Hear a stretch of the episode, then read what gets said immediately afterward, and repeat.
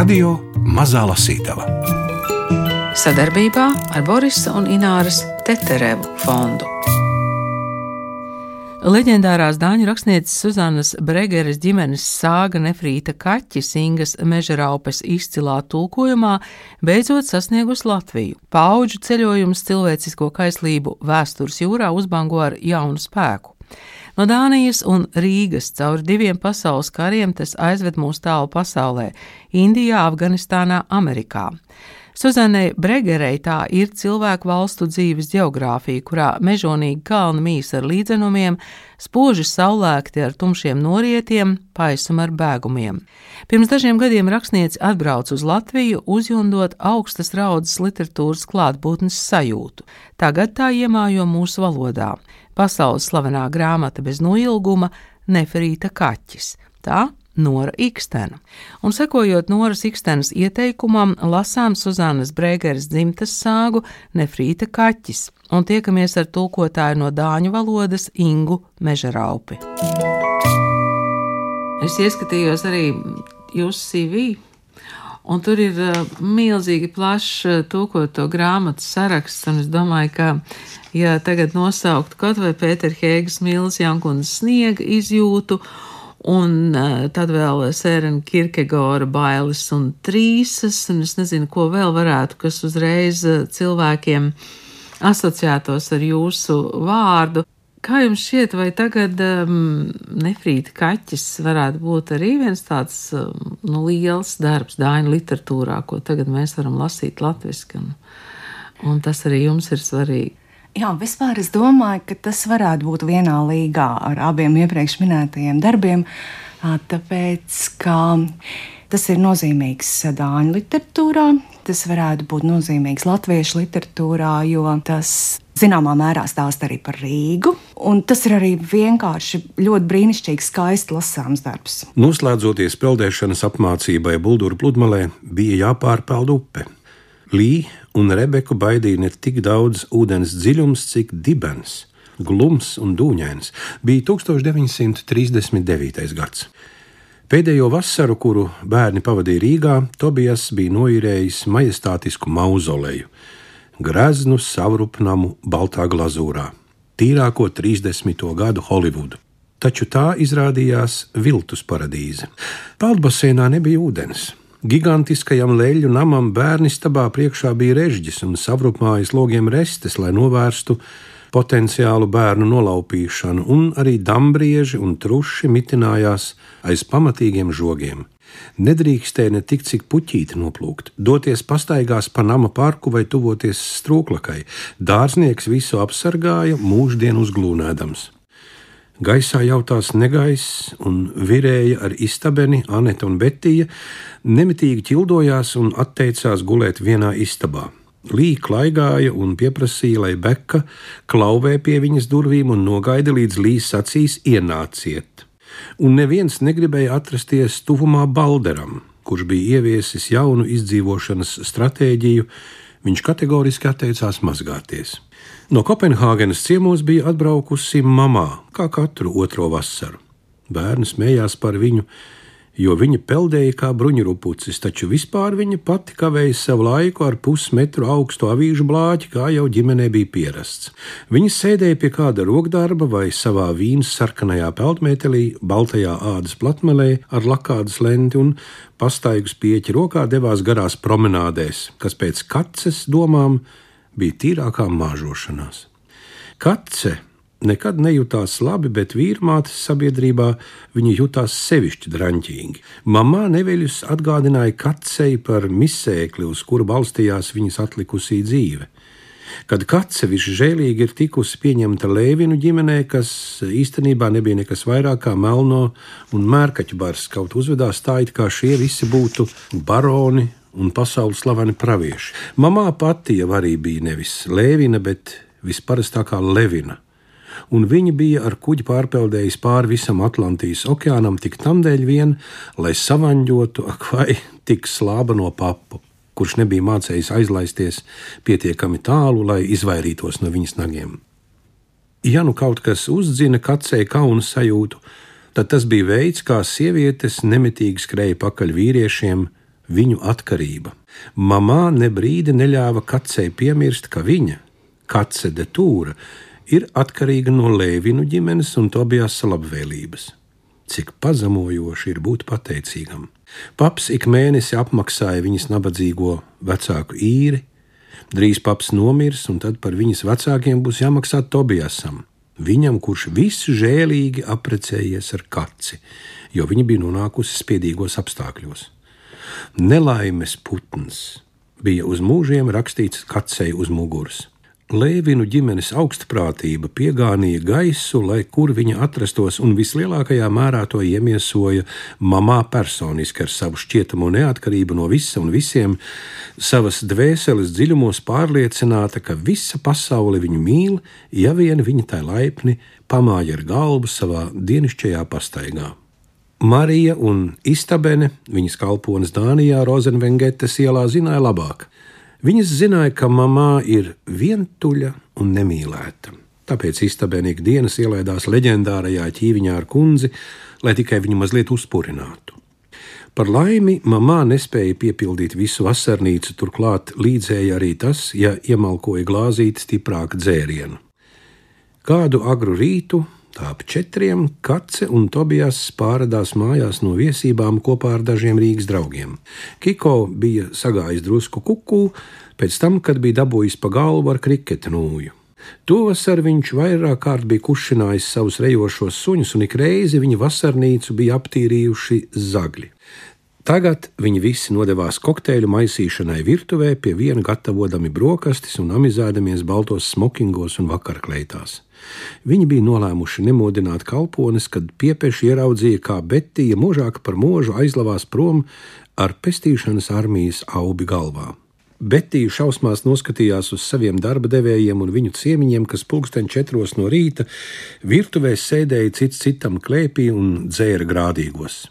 Tobijas un Kace vienlīdz apstulbuši nolūkojās uz Betiju, kas acīm redzami devās glābt pasauli, un, kad viņi bija prom, Abi ķiķinādami atzinās saviem labajiem viesiem, ka viņiem nav bijis nejausmas par istabenes slepenajām, aubainajām gaitām.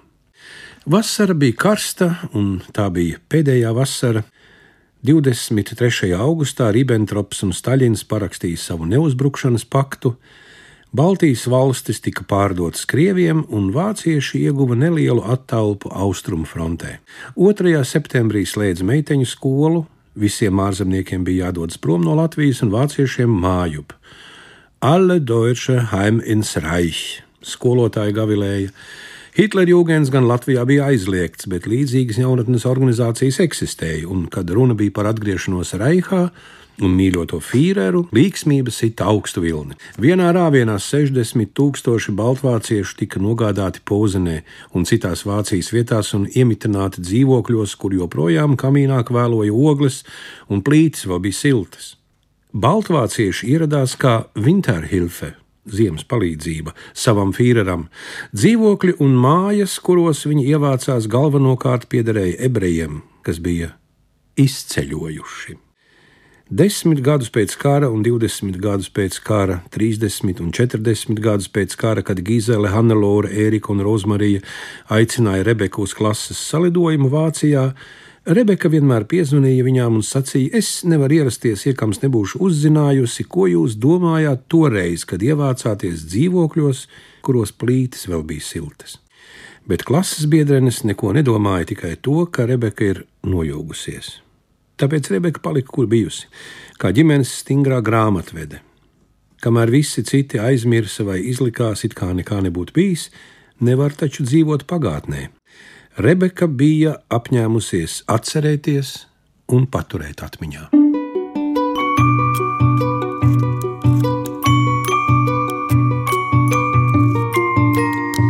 Radio Mazā Lasītava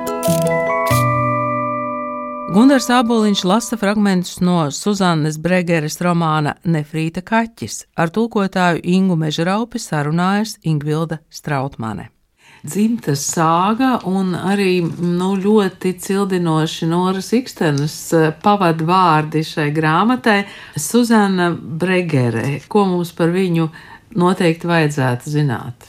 Pirmkārt, es domāju, ka daudzi par Suzānu Bregeri jau ir dzirdējuši. 1993. gadā iznāca viņas romāns Skāps krējums, Rutas Ledeņas tulkojumā.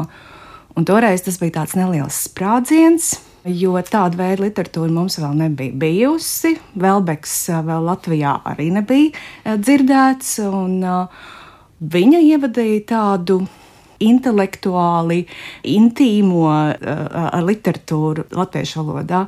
Savukārt Nefreita Kāķis ir kaut kādā ziņā sasaucis ar to, bet ir, nu, kā jūs teicāt, sāga un kāds arī ir uh, grāmatas apakšvirsrakstā, tādā ļoti labā nozīmē, ka, ka tas ir vairāk tāds romāns, turklāt tas ir um, zināmā mērā autobiogrāfisks romāns.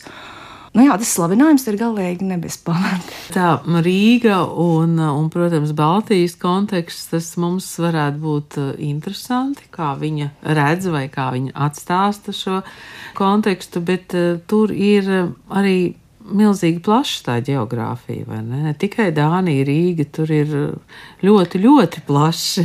Jā, un tas uh, savukārt sasaucas ar Suzānu Brēgeru, gan ar uh, viņas biogrāfiju, kas ir bijusi geogrāfiski un um, visādi citādi ļoti plaša gan arī ar to, nu, to viņas uzstādījumu, ka dzīve ir plaša. Un tad viņi mēģina uh, savā grāmatā to visu atspoguļot.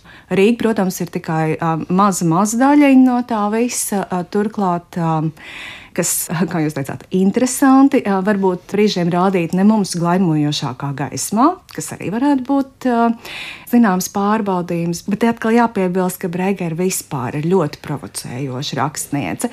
Viņa ir no tām, kas mēģina tevi uzvandīt dažādas jūtas, un, un varbūt tur tā mākslas darba klātbūtne ir ļoti jūtama tieši, tieši šajā aspektā.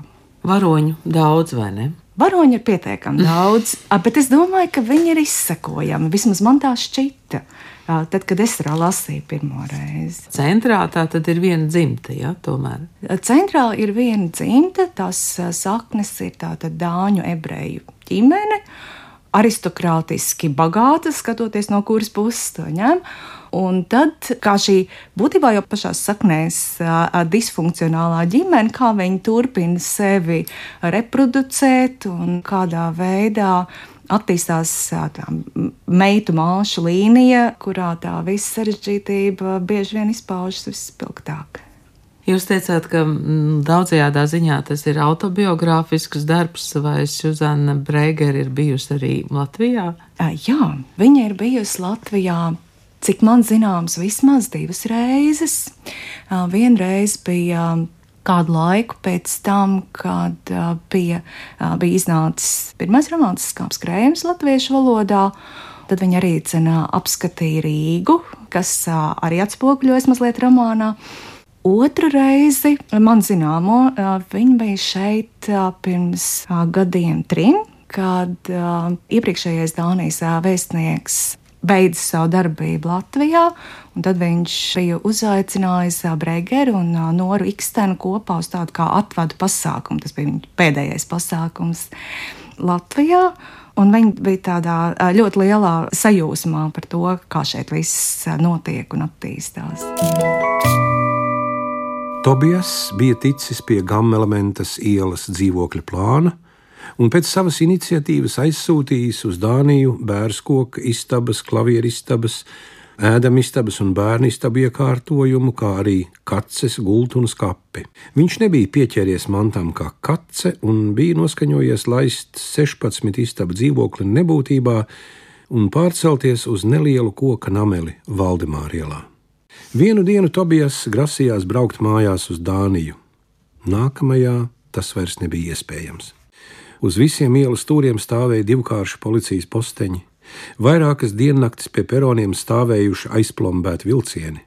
Runāja, ka tajos esot pārtikas produkti, krievu dāvana latviešu tautai, bet īstenībā vilcieni bija piekrauti ar precēm, ko krievi veda taisnā ceļā uz Maskavu. Varbūt arī ar cilvēkiem. Pilsētā klīd baumas. Tobijasa noliktavas pārzinis apraudājās no domas, ka būs jāpārņem firmas vadība. Klausīdamies radio Londonas ziņās, Tobijas padzirdēja, ka Francija gribot noslēgt separātu miera līgumu. Tad nu šiem drīz būs miers, bet kāds vai man dieniņi?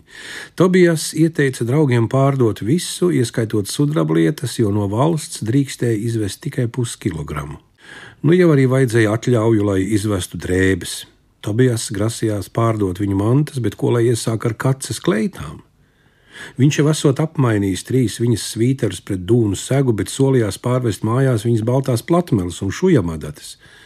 Viņas melno kombinēju gan viņš nekur nevarot atrast. Viņš parakstījās kā tovarišķis Tobijas un vēlēja laimes dēlam Balderam, kurš tagad šausmīgajā 1940. gadā droši vien jau ir kļuvis par līksmu un spraunu ģimnāzijas beidzēju. Uzņēmuma vadība Ņujorkā bija ar mieru, ka Tobijas mēģina izveidot tirsniecības sakarus ar krieviem un nekavējoties dodas uz Maskavu, līdzi ņemot Aļošu kā tulku. Viņam bija piesolīta tikšanās ar pašu Mikojānu taču 1940. gada 14. septembrī viņš bija spiests rakstīt, ka sapnis par Maskavu ir sabrucis. Tāpat kā daudzi citi, arī Tobijas bija piedzīvojis sakāvi. Kremļa mūri nebija tik viegli šturmējami. Tobijas jutās vīlies, jo zaudēt vienmēr ir draņķīgi, turklāt viņam būtu sagādājis iepriecinājumu, ja būtu sanācis izbīdīt cauri līgumu ar Vakuum Oil kā vienīgo ārzemju firmu Krievijā. No otras puses, viņš nejūtās vīlies, jo ilglaicīgi dzīvot Maskavā būtu neizturami. Ar krieviem nevarētu sajieties, jo viņi negribētu vai nedrīkstētu sajieties ar ārzemnieku. Tad atliktu vienīgi vēstniecības, bet tur neviens nebija aizrautīgs, neraugoties uz tām privilēģijām un labumiem, ko viņi baudīja. Tobijasam vispār esot sajūta, ka visi diplomāti uzvedas kā dievi, kas negrib ielaisties nekādās darīšanās ar privātu personām no malas. Viņš būtu bijis pilnīgi citādā situācijā, ja līdzi būtu braukusi kace, jo tad viņš varētu rēķināties ar viņas caur caurēm izcelējām spējām. Tobijasam esot arī drusku žēl, ka viņi nedabū redzēt šo pilsētu, jo tā daudzējādā ziņā ir piedzīvojums. Lai arī vēlams tāds paīsāks, viņš galvoja kacē, ka viņa nemūžam nespētu dzīvot Maskavā. Arī Lī ne, bet Balders, Beka un viņš pats varbūt. Maskavā nekad nevarot sastapt labģērbušos cilvēku. Vīrieši lielākoties staigājot kraklos bez apakles, sievietes bez platmales, maksimums mazā beretē un zīda zeķes, esot tāls sapnis.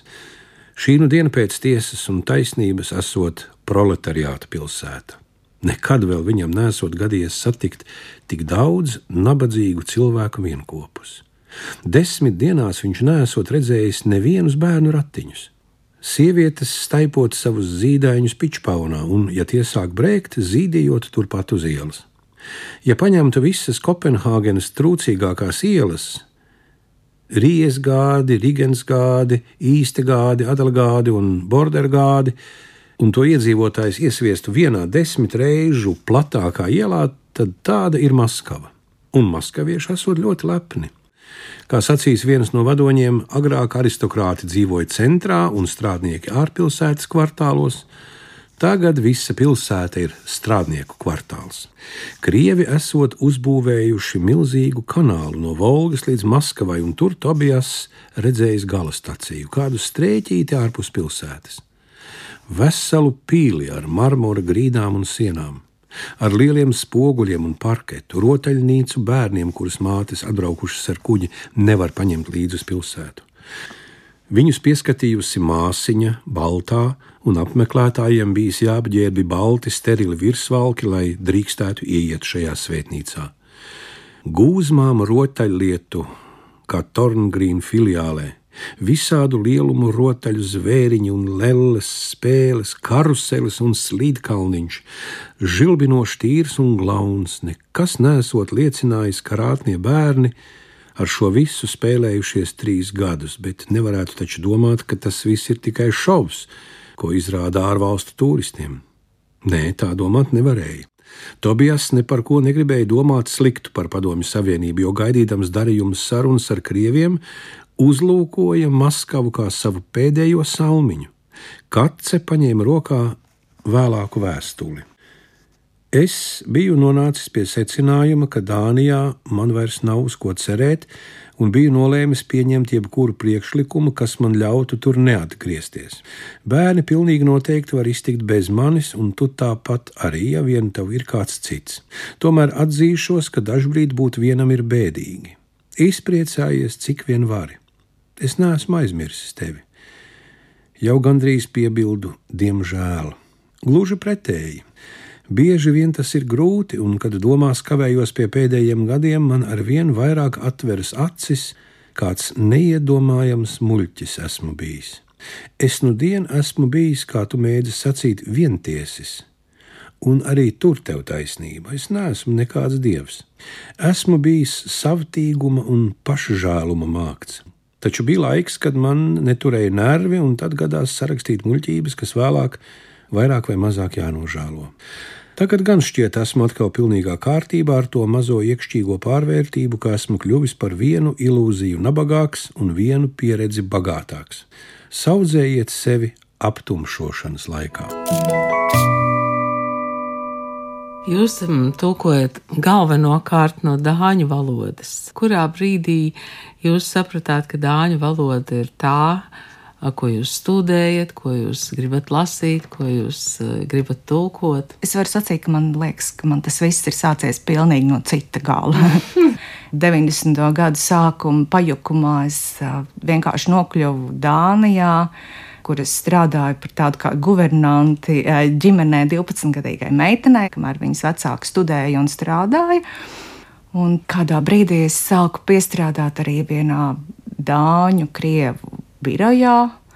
Un tajā visā man bija tāda diezgan liela garlaikošanās, un reizēs mācījos dāņu valodu, un tad aiz neko darīt sāku tulkot mazas bērnu grāmatiņas. Un, un tad es atbraucu atpakaļ uz Rīgu, un tad es tās grāmatiņas piedāvāju. Tolaik tādā izdevniecībā Pēters Sirnītis bija galvenais redaktors. Un, un viņi tās izdeva. Oli Luns Kirkegors bija mans pirmais tulkojamais autors. Un pēc tam es nezinu, kaut kā nejauši. Manās rokās nonāca uh, smila, un tas atkal ir viena no tām tādām vienkārši likteņa dāvanām. Tu jau gribēdams, nesagribēs un domādams neizdomās. Bet kā jūsu rokās nonāca tagad nefrīta kaķis, kurš ir diezgan pabies? kaķis pie manis nonāca jau otro reizi. Mm. Pirmo reizi piedāvāja grāmatu tulkot um, Karstens Lomholts vēl Atēnā. Tas bija neilgi pēc tam, kad grāmata iznāca. Man liekas, tā iznāca 97. Jā, nu tad ap to laiku. Bet es galīgi nejūtos spēcīga, valodiski tik krāšņa grāmata, jo Bregera spēlēs ar valodu tā kā, kā reti kurš. Toreiz tā arī palika. Toties tagad, pirms dažiem gadiem, kad Suzana Bregera viesojās Latvijā, tad viņi man pierunāja, tomēr apsvērt. Viņi man pierunāja, nu, tā jau iegadījās. Suzane Bregera nefrīta kaķis, no dāņu valodas tulkojusi Inga Mežraupe, izdevusi zvaigzni ABC. Vēl tikai būtisks jautājums, kas īsti ir nefrīta kaķis. Nu, Nefrīta kaķis ir saistīts ar to mazo smuko figūriņu, kas ir redzama arī uz grāmatas vāka. Tas ir tāds atradums, ļoti īpašs, ko viena no dzimtas sievietēm atrod savos Āzijas ceļojumos. Savā ziņā es domāju, ka tā ir tāda mazā lietiņa, kas it kā visus vieno un kas reizē visus šķeļ. Lai cik tas būtu dīvaini, vai varbūt tieši otrādi, cilvēki jau, jau ņemas un plēšas ap tām mantām.